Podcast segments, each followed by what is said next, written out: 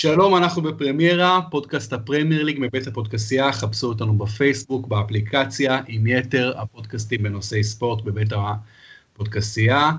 ואנחנו שוב עם אבי מלר, אבי, מה נשמע? או, שלום יואב, איפה היינו, מה עשינו? שבועיים, היינו שקועים בתוך כל המוקדמות האלה של המונדיאל, שכמובן נגמרו בלי שום הפתעה.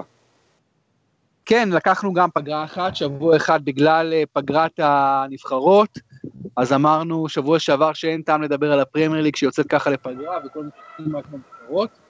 מלר, אה, העונה רק התחילה, באמת, עברו פחות מחודשיים, וכבר שתי פגרות. איך עונה יכולה להיכנס למומנטום טוב שמפסיקים אותה כל כך הרבה פעמים, בטח על ההתחלה. אבל uh, לפחות עכשיו הגענו לצומת שבו העונה הזאת לא תיפסק. תודה לאל, אין לנו במרץ מוקדמות, ועד שמשחקי הידידות הרשמיים יחלו, זה גם כן בעוד uh, שנה בלבד, אז לפחות לפנינו יש איזה מישור עם נתיב פתוח לחלוטין, שבו נצטרך uh, להתכונן למונדיאל ובראש, ולהתאבל, מי שרוצה מוזמן להתאבל על החיסרון של הולנד וארצות הברית מהמונדיאל, לא מטריד אותי כהוא זה. לא, גם אותי לא מטריד, למרות שאני קצת אוהד ארצות הברית, אה, אני בעיקר אוהד אנגליה, אבל, אה, אבל באמת ארצות הברית לא מגיע לה, איך שהיא נראית בשנים האחרונות עם כל הפיאסקו בסוף של קלינצמן ושל המאמן שהחליף אותו, ושל ההתאחדות שם, והולנד, לפי דעתי מילר זה נושא מעניין, כי הולנד לפי דעתי שנים כבר לא מייצרת את הכישרון שהיא הייתה מייצרת, וגם כשהיא העפילה לשלבים מאוד מתקדמים, לגמר ולחצי גמר בשני מונדיאלים, היא נראתה לא משכנע בכלל, ולכן מאוד יפה לראות את הולנד ככה כושלת בשנים האחרונות, לא מעפילה גם ליורו המורחב וגם לא למונדיאל המורחב, ובאמת מראה עד כמה עמוק המשבר שם. כן, אבל זה לא כל כך חשוב באמת, זה גם לא פייר כלפי הולנד לדבר על המשבר שלה. אני כבר הפסקתי להתרגש כי אני מסתכל היום על המונדיאל ואומר, אני הייתי רוצה את ארצות הברית ואת הולנד במונדיאל הרבה יותר מנבחרות אחרות, כי אני מחפש נבחרות בעיקר שיוכלו לשעשע אותנו וגם להתקדם ולעשות משהו אמיתי. כיוון שגם ארצות הברית וגם הולנד, כמו שאתה אומר, לא נמצאות במקום שהן יכולות אה, להיות entertaining וגם לא להיות הישגיות, בטוח שלא, אז זה לא כל כך חשוב. מצד שני, זה מעצבן אותי קצת שפנמה כן מגיעה לפלייאוף והולנד לא. אבל זה שטויות בריבוע, כי כשמתחיל המונדיאל בעצמו עם 32 נבחרות, האקשן האמיתי, האקשן שאנחנו צריכים לסמוך עליו, להסתמך עליו ולפרשן אותו, מתחיל רק כשמגיעים לשמינית הגמר עם 16 נבחרות. לגמרי, ושוב אני אגיד על כמה מעצבן אותי שעונה מתחילה וליגות מתחילות וצריכות לעבור את, ה, את העניין הזה של הפגרות, שמונעות כל יצירת עניין אמיתי ומומנטום בריא, ואפילו אני חושב גם אלה עוד חודש, שוב יהיה פלייאופים של... של... של הפלייאופים של, של אירופה, של עלייה, עלייה, עלייה, עלייה מאירופה ומאוקיאניה, כן. צריך לבדוק את העניין הזה, אני לא אתפלא בכלל אם שוב תיעצר הליגה. בכל אופן, מלר, מהפגרה הזו של המונדיאל, אנחנו חוזרים לליגה עם כמה פציעות משמעותיות. אנחנו מדברים על מאנה, על פלאיני, על קנטה, על מוסטפי, אז באמת, אה, אתה יודע, זה עוד דבר שהוא ככה, משלמים עליו מחיר על כל עניין של נבחרות בתחילת העונה. והאם אתה חושב, מילר, אם יש דרך אחרת, צריכה להיות דרך אחרת, מתי צריך לשחק את כדורגל הנבחרות? האם היית הולך על המתווה הנוכחי, או היית משנה אותו? אני כבר לא יודע מה להגיד. אני לא הייתי הולך בכלל אה, לשחק מוקדמות. הייתי משנה את כל הפורמט לחלוטין. הייתי מוריד את מספר משחקי המוקדמות למינימום אפשרי. אני יודע שגם המינימום האפשרי זה די מקסימום, זה די הרבה. אבל עדיין הייתי מוותר על כל, הייתי עושה טורניר מוקדם, הליגה, ליגת האומות שהמציאו אותה עכשיו אה, בפיפ"א ובוופ"א, שתחליף עכשיו את המשחקי ידידות, היא רעיון נחמד, אבל צריך לתת לרעיון הזה לקרום עור וגידים רק עם הנבחרות הקטנות והקיקיוניות. להשאיר את המוקדמות לנבחרות הגדולות, בוא נאמר, ל-24 הנבחרות הגדולות או ל-32 נבחרות להשאיר את המוקדמות, ול-23 האחרות, או 24, יש 55 מדינות באירופה כרגע, ל-23 האחרות להכניס אותם באמת לטורניר אחד אה, ביניהן, שישלח מתנה אחת מהן אה, למונדיאל או ליורו, סבבה, שישלח אחת מהן מתנה, לא אכפת לי. בסופו של דבר בכל בכל זאת נבחרות כאלה איכשהו משתחלות כל פעם. אז אני אומר שצריך לצמצם מאוד מאוד מאוד את כמות המשחקים. ואת כמות הנבחרות הלא מעניינות. די עם ה-8-0 של שוודיה על לוקסמבורג, די, די, די. די עם, עם התשעה שערים של בלגיה, די. לגמרי, זה דבר כל כך uh, מעצבן, והוא נמשך כל כך הרבה שנים, ולכל הפחות צריך להעביר את כדורגל הנבחרות לקיץ, לתת איזה חודש בקיץ, לצמצם, כמו שאתה אומר, דרמטית את כמות המשחקים, בכלל משחקי הידידות זה בכלל מוסד שצריך לחלוף באופן טוטאלי מהעולם, לא צריך להיות שום משחק ידידות בין, בין נבחרות, שום דבר, כל משחק צריך uh, to count for something, לא יכול להיות משחק ידידות, זה הדבר הכי מפגר שיש.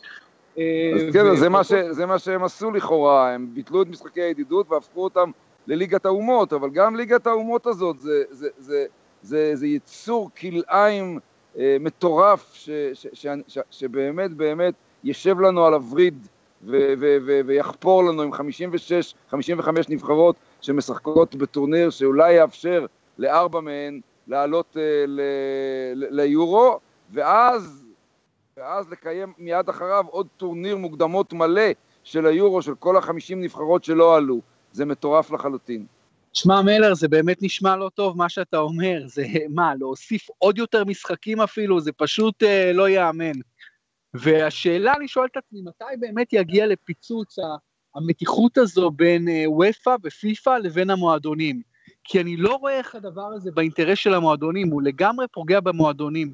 גם מבחינת לוח זמנים, מבחינת פציעות, מבחינה כלכלית, מכל הבחינות. אני לא מבין איך אפשר לדחוף כל כך הרבה משחקים בינלאומיים במהלך העונה הסדירה. זה פשוט משהו לא הגיוני. נכון, אתה יודע מה מאוד קיוויתי? מאוד קיוויתי שקטלוניה תכריז על עצמאות. ואז ברצלונה תיאלץ לפרוש. אם ברצלונה הייתה פורשת באמת מהליגה הספרדית, היינו מקבלים סוף כל סוף את הקמת הליגה האירופית. וליגה האירופית זה משהו שאני תומך בו מאוד מאוד מאוד, כן? אז היינו מקבלים את הליגה הטובה, ולא את uh, כל ליגה באירופה שיש בה שתי קבוצות שמשתלטות על כל העסק לבד. אבל עזוב, בוא נדבר על הליגה שלנו. אני גם בעד הליגה האירופית, אבל למזלנו אנחנו מדברים על הליגה שהיא, אתה יודע, הכי תחרותית ביבשת מבין אלה שיש. אז כן, בואו באמת נכון. נדבר על הליגה שלנו, ובאמת ציינתי לפני זה את השחקנים הפצועים, מאנה, פלאייני, קנטה, מוסטפי, יש לך מה להגיד בנידון? כן, כי שעשית חסד גדול מאוד עם מנצ'סטר יונייטד. אני חושב ש... אה, אה, בעיקר עם אה, מרואן פלאייני, כי לשים אותו ברשימה של השחקנים אה, החסרים זה תוצר ישיר של העונה הזאת.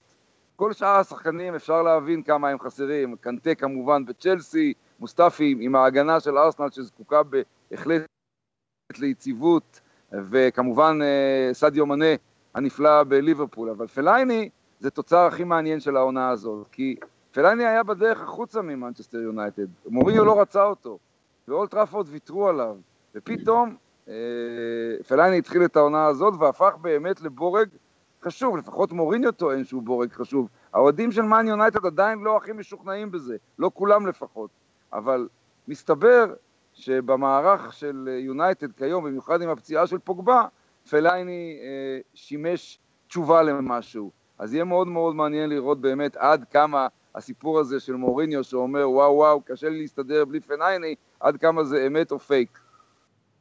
תראה, לגבי פלאיני, אני תמיד, הדעתי עליו הייתה טובה, טובה יותר מהמקובל. גם בתקופות המאוד לא טובות ביונייטד אמרתי, כי אוי ליברפול, תנו לי את פלאיני, אני רוצה שליברפול תרכוש את פלאיני, הוא שחקן להרכב של ליברפול, הוא שחקן בכיר. אני תמיד ראיתי בו כזה בעקבות הרבה שנים אה, מוצלחות באברטון, וגם לפני זה בבלגיה, אני רואה בו פרוספקט גדול, שחקן עם נוכחות פיזית מרשימה, נכון שהוא לא מלך הטכניים, ונכון שהיו תקופות לא טובות ביונייטד, אבל כל, כל הקבוצה הייתה בעייתית, והמאמנים התחלפו, והסיטואציות לא היו טובות, ובאמת אה, מורינו שלא רצה אותו, פתאום מגלה אותו. אבל עכשיו הוא שוב פצוע ביחד עם שחקנים אחרים, ובאמת, עוד פעם, חבל שגם את זה, אתה יודע, פתאום מאנה חודש וחצי נהדר מליברפול, זה ממש די גומר על העונה של ליברפול במובן מסוים, או מאיים לחסל את העונה של ליברפול, וזה עוד רעה חולה שמגיעה אלינו מהנבחרות בתחילת העונה. אבל מלר, בוא נדבר עכשיו על הדבר האמיתי, בוא נדבר על המשחק הכי גדול באנגליה, המשחק הכי גדול של המחזור, ביפר, ליברפול, מנצ'סטר יונייטד, יום שבת, שתיים וחצי. אה, אני חושב שהחיסרון של אה, סדיו מנה הרבה יותר משמעותי לליברפול, אבל ללא ספק זה משחק שירתק את כל תשומת הלב שלנו, וגם ה post mortem עליו יהיה מאוד מאוד חשוב. כמו שחיכינו כל כך למפגש בין צ'לסי למנצ'סטר סיטי, וקיבלנו תשובה, קיבלנו את העוצמה של הסיטיזנס בסטמפורד ברידג', כך בשבת בשתיים וחצי בצהריים שעון ישראל, המפגש באנפילד ייתן לנו כמה וכמה תשובות. אה, לגבי מנצ'סטר יונייטד ייתן את התשובה הכי חשובה. אה, האם הקבוצה הזאת ששמטה רק שתי נקודות בסטוק סיטי מסוגלת להמשיך בקמפיין הנפלא הזה גם בהר הגעש של אנפילד וגם מול ליברפול שהיא הרבה הרבה יותר דינמית מכל הקבוצות שיונייטד אה, פגשה. גם בלי סדיו מנה לליברפול יש מה להציע ומה למכור והבעיות של ליברפול בהגנה ידועות אבל זה לא רק העניין של ההגנה של יונייטד. יונייטד באופן עקבי אה, משיגה תוצאות טובות נגד ליברפול. מחר באנפילד זה כאילו חידוש הליגה, זה סוג של start, starting over, וליברפול חייבת לתת הצהרת כוונות. ובאותה מידה, מנצ'סטר יונייטד חייבת להוכיח שמה שראינו ממנה 16 נקודות מתוך 18, זה בשום פנים ואופן אה, לא בגלל שהיא פגשה יריבות נחותות. אני, אני לא, אתה יודע, אני מחפש לעצמי את התחושה, את תחושת הבטן לגבי מחר, ואני לא יכול לשים את האצבע עליה. ממש ממש לא. תראה, מנצ'סטר יונייטד כבר עם 19 מ-21. כן, אני אמרתי 16 מ-18, שכחתי את המשחק השביעי, אוקיי. וליברפול, אם היא מפסידה לה באנפילד ביום שבת, היא יורדת לפיגור כמעט אה, דו-ספרתי למעשה, בנקודות, ו- ותשמע, זה חמור מאוד, ליברפול, הפסד ביתי אה, ודי מוציא אותה ממאבק האליפות, אתה מסכים? כן, אני חושב שזו תהיה המכה האחרונה שתבהיר לנו שליברפול לא תצטרף למרוץ של אה, צ'לסי סיטי וטוטנאם, וצ'לסי סיטי, טוטנאם ומנצ'סטר יונייטד כמובן, כן? אני חושב שזה סוג של אה, באמת סלון ההזדמנויות האחרון. איך אתה רואה את המשחק של ליברפול, איך ליברפול צריכה לשחק נגד יונייטד כאשר אין לה את סאדיו מנה, היא מתמודדת מול החלוץ הכי פורה בפרמייר ליג, לוקאקו, עם הגנה מאוד מאוד שייקי שסופג, שסופגת הרבה שערים, איך אתה רואה את ליברפול משחקת, מי השחקנים שיבואו לחזית ויוכלו לנצח את המשחק הזה מבחינת ליברפול? אני חושב שליברפול צריכה לשחק דרך ההגנה הפעם. יורגן קלופ, למרות שהוא המאמן הכי התקפי שאתה יכול לצפות לו, הוא יודע עכשיו ש... ההגנה שלו היא זאת שצריכה לעשות את העבודה מול uh, לוקאקו ורשפורד, או לוקאקו ומי שזה לא יהיה. הוא יודע שההגנה שלו בגדה בו במקומות שהיו צריכים לבוא ניצחונות נגד צסקה מוסקבה ונגד סביליה, היו צריכים לבוא ניצחונות כי ההופעה של הקישור וההתקפה הי, הי, הייתה מצוינת וההגנה בגדה בו. הוא יודע שהוא צריך, אני בטוח שהוא ישנה את ההרכב שלו מחר ויחזק את העורף שלו. כן, אני לא אתפלא אה, אם הוא, אם הוא ישחק במערך אה, שונה והוא יוסיף אה, קשרים אחוריים. אני לא אתפלא אם הוא ישים את הדגש הזה. אני חושב שאת התפוקה שלו מקוטיניו ומסטאריג' אם צריך, וממוחמד סאלח בחוד ומפירמינו, הוא יקבל בכל מקרה. השאלה מה קורה מאחוריהם. השאלה באמת אם מקריבים את ג'ורדן אנדרסון ואת אמרי צ'אן על מזבח ההגנה. ואיך עושים את זה בדיוק. עם, עם, עם מגן נוסף, עם קשר אחורי נוסף. אה, אם ההגנה של ליברפול בדקות, ב-20 דקות הראשונות תוכיח את היציבות ותוכיח שמה שבונה יורגן קלופ אה, שווה להתמודד עם מה שיש ליונייטד המצוינת להציע, אז אני חושב שזה זה ינסוך גם ביטחון גדול מאוד מאוד בשמות שהזכרתי, ואולי יאפשר לליברפול להיות הרבה יותר משומנת גם בחוד. כן, שני דברים שמדברים עליהם בתקשורת מבחינת ליברפול, המשחק הקרוב זה שאמרה צ'אן יחזור להרכב, ושקוטיניו ישחק יותר למעלה, למעשה חלק משלישיית החוד במקום מנה. אז ועוד משהו שמדברים עליו זה שברצלונה שוב תציע אולי 120 מיליון פאונד על קוטיניו בינואר. אז אין ספק שקוטיניו שחקן מאוד משמעותי ל matchup הקרוב נגד יונייטד. אגב, גם אמרד צ'אן, אתה יודע, אמרד צ'אן הוא שחקן שאני מאוד אוהב אותו, הוא שחקן שאיכשהו לא מצליח באמת לעשות את הפריצה ש, שאני מצפה שהוא יעשה אותה, כי הוא שחקן מאוד רב גונים, יכולות התקפיות מאוד מרשימות, עם בעיטה נהדרת. אמרה צ'אן צריך להיות כוכב בליברפול, והוא, והוא לא כוכב בליברפול. תרשום את מה שאני אומר לך פה, ותרשמו אתם גם כן, ואחרי זה תתלו אותי על עמוד גבוה. אין מצב בעולם שקוטיניו ילך לאן שהוא בינואר. שום העברה גדולה לא תהיה בינואר. לא רק בגלל שהוא כבר שיחק בליגת האלופות והוא לא יכול לשחק במדי ברצלונה במפעל הזה. מעבר לזה, לא קורות העברות כאלה באמצע העונה. הקיץ הבא, נו, תתחילו כבר עם כל הספקולציות שלכם בקיץ הבא. בינואר זה לא יקרה, לליברפול יש עונה שלמה להשתדרג גם עם קוטיניו. לגבי uh, אמרי צ'אן, שמע, גם בנבחרת גרמניה הוא שחקן אה, מפתח, אני אבל מסתכל על ז'ואל מטיפ ועל דיאן לוברן ועל נתניאל קליין ועל אלברטו מורנו ועל אה, טרנט אלכסנדר ארנולד ועל כל החבורה הזאת ועל מיניולה ואומר איך קלופ יכול לגרום להם, לחבורה הזאת, באיזה צורה הוא יחזק אותם כדי לתת את ההרגשה של ליברפול אחראית לגורלה ולא ההתקפה של מנצ'סטר יונייטד. תשמע, יש משהו מאוד מעניין, השבוע הזה קלופ מסכם שנתיים בליברפול, והיו לא מעט טקסטים של סיכום תקופה כזה, ומבחן התקופה, ואתה יודע, והדעה היא מאוד מאוד מעורבת, כלומר, חצוי, כלומר, אומרים יש טוב ויש רע. ואף אחד לא אומר שזה כישלון טוטאלי, ואף אחד לא אומר שזה הצלחה אה, טוטאלית, אבל תראה, יהיה משחק עכשיו נגד מנצ'סטר יונייטד, ואם יהיה ניצחון, פתאום כל אה, עידן יורגן קלופ יואר באור חיובי, ויהיה הפסד, הוא יואר באור מאוד שלילי.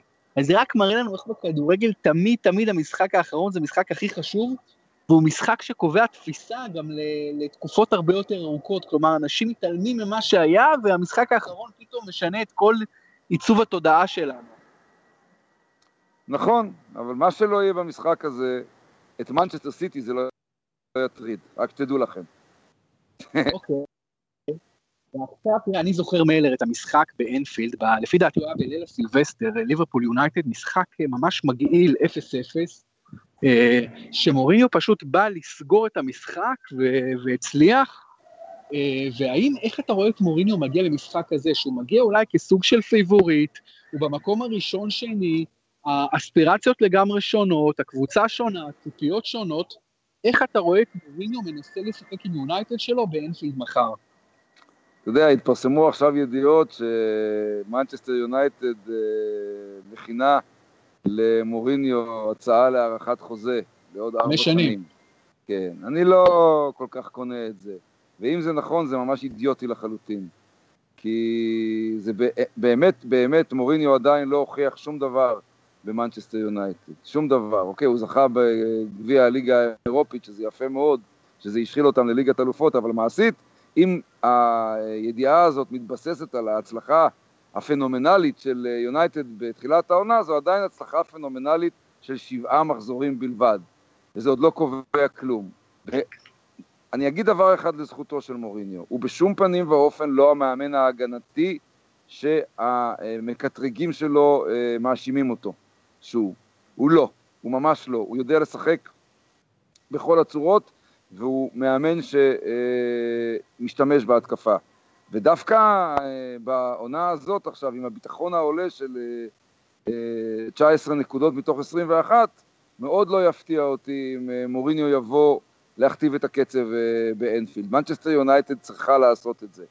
והמשחק של יונייטד לא יהיה בשום פנים ואופן, לפחות, לפחות טקטית מהותית בחדר ההלבשה, הוא לא יהיה מיועד להתגונן ולעשות תיקו ולשמור על 0-0. אני חושב שהוא יהיה מיועד, אם כולנו מדברים על העורף הרך של ליברפול, גם מוריניו ידבר עליו. הוא גם ינסה לנצל את העורף הרך הזה, כמו שעשו סביליה וכמו שעשו קבוצות אה, אחרות באנפילד. ולכן, ולכן למנצ'סטר יונייטד יש יתרון על פני ליברפול. היא זאת שמסוגלת באמת להכתיב את הקצב. היא זאת שמסוגלת לפגוע בליברפול. יש לה את הקרדיט ואת האשראי ויש לה את הקבלות. אוקיי, okay, תראה, אני לגבי קצב, אני חושב שקצב זה דבר טיפה overrated בכדורגל. כדורגל מוכרע על ידי שערים, על ידי פעולות גדולות, על ידי טעויות גדולות, ופחות על ידי קצב. קצב גם מאוד יכול להשתנות בתוך משחק, לא, זו הייתה מילה די מטאפורית, להכתיב את הקצב, זו הייתה מילה... להכתיב את הטון התכוונת, להכתיב כן, את הטון. כן, התכוונתי להכתיב את הטון, להשתלט על המשחק, זה מה שהתכוונתי. כן, כן, כן. בכל מקרה, אה, גם זה הולך להיות מעניין, כי אני לא שותף כל כך לדעתך שמוריניו מאמן כל כך אה, לא, הגנ... לא הגנתי, כלומר, נכון שיונייטד כובשת השנה בינתיים הרבה מאוד שערים, אבל הסגנון זה לא סגנון יותר מדי שובה עין. מוריניו אף פעם הקבוצות שלו לא משחקות בסגנון שובה עין. מוריניו לא לוחץ גבוה, מוריניו משחק הגנה מאוד עמוקה, מאוד, אה, משחק מאוד כזה שמרני ומסורתי וכביכול מבוקר וזהיר. וצריך לראות, ואני מסכים לגמרי לדעתך שזה שטות עכשיו לנסות להחתים אותו חמש שנים קדימה, רק בגלל פתיחת העונה הטובה, וזה מתחבר למה שדיברנו מקודם, איך תמיד זוכרים רק את הדבר האחרון, ולפיו קובעים את כל ה... את כל הפרספשן, ובכל מקרה... כן. מה גם שגם אם יחתימו אותו לחמש שנים, אתה יודע שזה חוזה שכתוב על קרח. אף מאמן ברמות האלה לא משלים חמש שנים. לא, אבל מה שזה אומר זה שאם ייפטרו ממנו הפיצויים יהיו מאוד מאוד גדולים. כמו שהם שילמו נכון. פיצויים גדולים למאמנים. הקודמים, במיוחד לבנחל. נכון, כמו שמוריניו בכל קבוצה שהוא פוטר ממנה קיבל פיצויים גדולים. נכון, בדיוק, מוריניו מומחה בזה ויונייטד מומחית בזה. בכל אופן, שורה תחתונה, אני חושב שמחר זה מבחן גדול למוריניו, לא פחות מאשר לקלופ, כי זה משחק שכל העיניים עליו, זה משחק חשוב מאוד הן מבחינת יוקרה, שהיא מאוד מאוד חשובה, וגם מבחינת מאבק הצמרת של יונייטד מול קבוצות כמו סיטי וצ'לסי וטוטנאם וכולם, זה שלוש נקודות פה מאוד מאוד חשובות, ולכן לפי דעתי מוריניו בלחץ לפני המשחק הזה, ובכל מקרה משחק מאוד מעניין לראות איך הוא ילך באמת מבחינת ומה, פוזיישן. ומה אתה חושב, ומה. ומה אתה חושב יצא ממנו? מה שאני חושב שיצא ממנו זה אני מהמר, וזה באמת הימור פרוע, על ניצחון ביתי של ליברפול. אוקיי, אז אני הולך על תיקו, על תיקו. על תיקו. כיוון, כיוון שלא יכולתי להכריע ולא הייתה לי תחושת בטן, אז uh, אני, אני ממעט להמר על uh, שוויון, אבל הפעם, במקרה הזה אני הולך עם העובדה שאני לא מסוגל להחליט. כן, בסדר, אצלי אני אגיד זה גם חלק משאלת לב, וזה גם באמת סוג של, אני חושב שליברפול אה, לוקחת את המשחק הזה מול יונייטד כגמר גביע העולם, ואני כן מצפה לאיזו התעלות, גם אם היא התעלות רגעית. ועוד משהו שאני רוצה לדבר איתך עליו, אה, מילר זה על מוחמד סאלח הנפלא. השחקן בעיניי הכי רומנטי היום בעולם הכדורגל, שבכל מקום שהוא רק נוגע בו עושה דברים מופלאים, דברים חלוציים, דברים ראשוניים.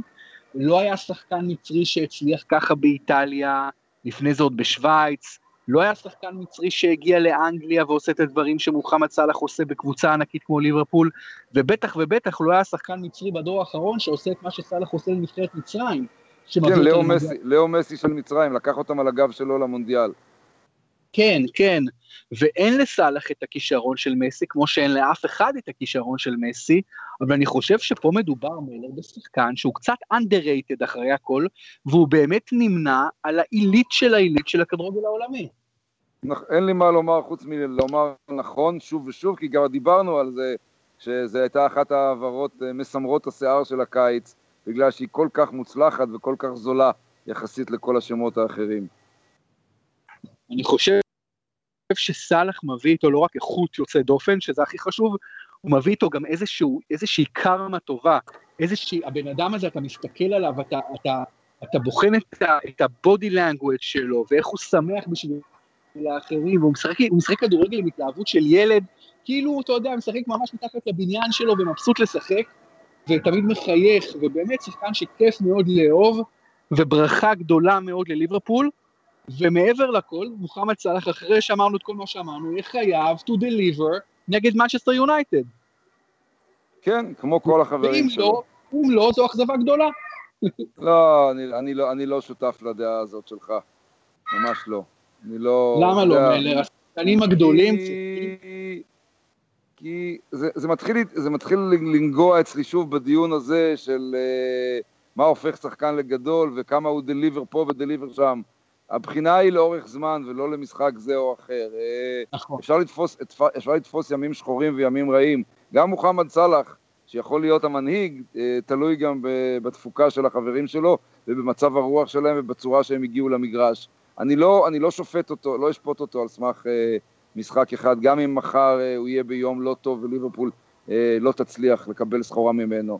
אה, אני חושב שיהיו ימים אחרים שלו מוצלחים יותר. אני תמיד מתחבר לדיון הזה מהכיוון של אנשים שאומרים שמסי לא שווה שום דבר עד שהוא לא מוביל את ארגנטינה לזכייה בגביע העולם. זה נראה לי פתטי לחלוטין לומר את זה בכלל. לא, לא צריך להגיד לא שווה שום דבר, זה, זה הגזמה כאילו, הוא, לא יהיה, הוא, לא, הוא לא נחשב שחקן גדול והוא לא יהיה גדול הגדולים, כי פלא הוביל את הברזילאים ומרדונה הוביל את ארגנטינה.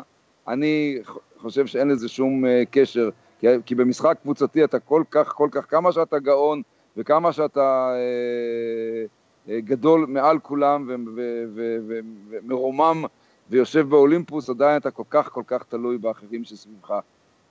בטניס אולי זה יכול להיות גדול. אני לא אשווה בטניס את uh, ג'ון מקנרו וסטפן אדברג עם עמוס מנסדוף, אבל בכדורגל בהחלט אתן למסי להיות הדבר הגדול ביותר שהיה בכל הזמנים. ולמוחמד סאלח להיות בעשירייה המובילה היום בתבל של השחקנים המוכשרים, בלי קשר למה שיקרה אם הוא יחטוף 5-0 מיונייטד כמו שהוא חטף 5-0 מסיטי. אני מסכים איתך שמוחמד סאלח בהחלט קורא תגר על העשירייה המובילה בעולם. אני פחות מסכים עם הקביעה שמסי יכול להיחשב לגדול בכל הזמנים אם הוא לא לוקח את ארגנטינה למשחקה במונדיאל.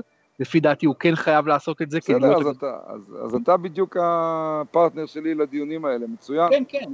לא, לא, ואני, ועוד משהו שאתה אומר באמת, אני כן מסכים שהדבר הכי חשוב זה גוף העבודה, מה שנקרא body of work, והכי חשוב מה השחקנים עושים זה.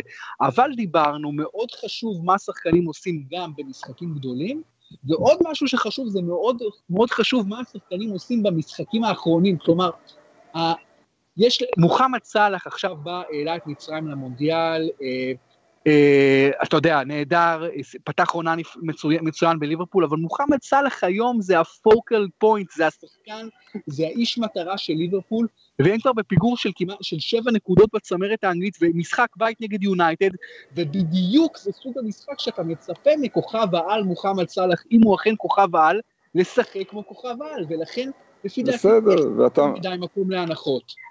זה כן, זה קצת יומרני אבל מה שאתה אומר, כי אתה יכול לגלות משחק שבו מוחמד סאלח ייפצע חס וחלילה בדקה ה-20, כמו שקרה לרונלדו בגמר של יורו, ואז אתה תראה פתאום את אה, פירמינו וקוטיניו בשלוש בעיטות חופשיות, מנצחים שלוש אחת את יונייטד, זה יהיה משחק גדול, וסאלח אה, לא יהיה שייך אליו. גם זה יכול לקרות, זה כל כך כל כך נזיל.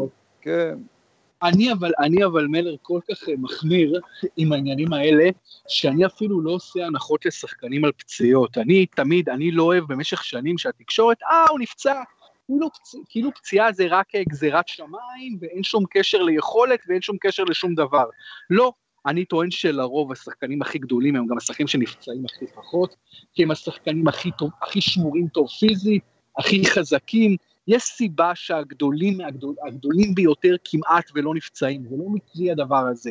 וגם פציעה היא הרבה פעמים סוג של הנחה. עושים אוקיי, לה... אוקיי, אוקיי, בגלל זה אתה, בגלל זה אתה בור, בגלל, בגלל זה אתה בור, בגלל זה אתה אה, שנוי במחלוקת, בגלל זה אתה מקורי, בגלל זה אתה יוצא דופן, בגלל זה אתה דפוק, אבל בגלל זה אתה כל כך מעניין.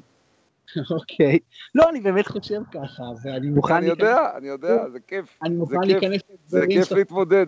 זה כיף להתמודד עם זה. למשל, שנה שעברה הייתה פציעה של קוטי, של, או, או שנה שעברה או תחילת העונה הזאת, אני לא זוכר, הייתה פציעה של קוטיניו, שהייתה פציעה שהשביתה אותו לחודשיים שלושה, שהפציעה הייתה ביצוע טכני לא מספיק טוב וקבלת החלטות לא טובה של קוטיניו. עכשיו, ברור שקוטיניו שחקן מאוד מאוד טכני, אבל באותה פעולה הוא עשה פעולה טכנית לא טובה, קיבל החלטה לא טובה, מתח את השריר, זה היה בסוף, בסיום פעולה כושלת, ואחרי זה גם מושבת, ישב בצד שלושה חודשים.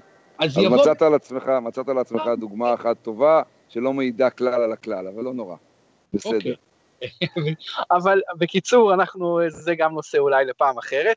אבל מלר, בוא נעבור למשחקים של השבוע, נתחיל עם המשחק הגדול הראשון, כמו שאמרת, אתה צופה, בוא, אתה צופה איקס, אני צופה אחד ליברפול.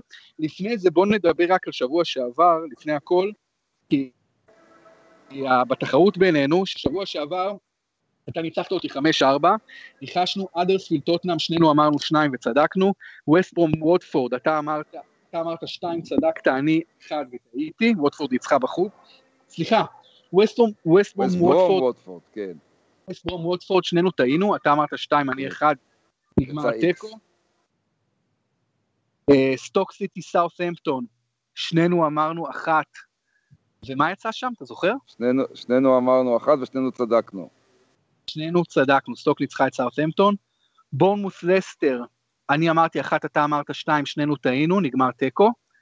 ווסטהאם סוונזי, אה, אני אמרתי שתיים, אתה אמרת אחת, אתה צדקת, ווסטהאם ניצחה. מאן יונייטד פאלאס, שנינו אמרנו אחד וצדקנו. צ'לסי מנצ'סטר סיטי, אני אמרתי איקס, אתה אמרת אחת, שנינו טעינו, סיטי ניצחה בחוץ. ארסנל ברייטון, שנינו אמרנו אחד וצדקנו. אברטון ברנלי, אני אמרתי אברטון, אתה אמרת איקס, שנינו טעינו, ברלי ניצחה בחוץ. וניו קאסל לא ליברפול. שנינו אמרנו ליברפול ושנינו טעינו כי נגמר תיקו, אז בינתיים אתה מוביל עליי עם 23 ניחושים מדויקים מתוך 50 משחקים ואני עם 18 בלבד. יאללה, נעבור- צמצם את הפער, בוא תצמצם את הפער. בוא. נעבור השבוע. ליברפול יונייטד אני אומר 1, אתה אומר איקס. מנצ'סטר. סיטי סטוק סיטי, אחד, 1. טוטנהאם בורנמות', אחד, 1. ברנלי ווסטהאם, וואו. אחד, איקס. קריסטל פאלאס צ'לסי, שתיים, 2. סוונזי הדרספילד, שתיים, 1. ברייטון אברטון, איקס, 2. סאות'המפטון ניוקאסל, אחת, אחת. לסטר ווסט ברומיץ', אחת. איקס. נבדוק שבוע הבא, מלר, היה כיף, יהיה כיף לראות את המשחק מחר הגדול הזה כל כך של צפון אנגליה, ונחזור נכון. להיות עם כולכם שבוע הבא, תודה רבה מלר. הגענו לאחרי החגים, איזה יופי, תודה רבה יואב. איזה כיף, תודה לכם שהייתם איתנו בפרמיירה, מבית הפודקסייה, תמשיכו להאזין לנו, אנחנו נמצאים בפייסבוק, באפליקציה, יש עוד פודקאסטים של ספורט אצלנו בפודקסייה, נובחים בירוק, עולים לרשת, מכבי בול ועוד, תמשיכו להיות איתנו, להתראות.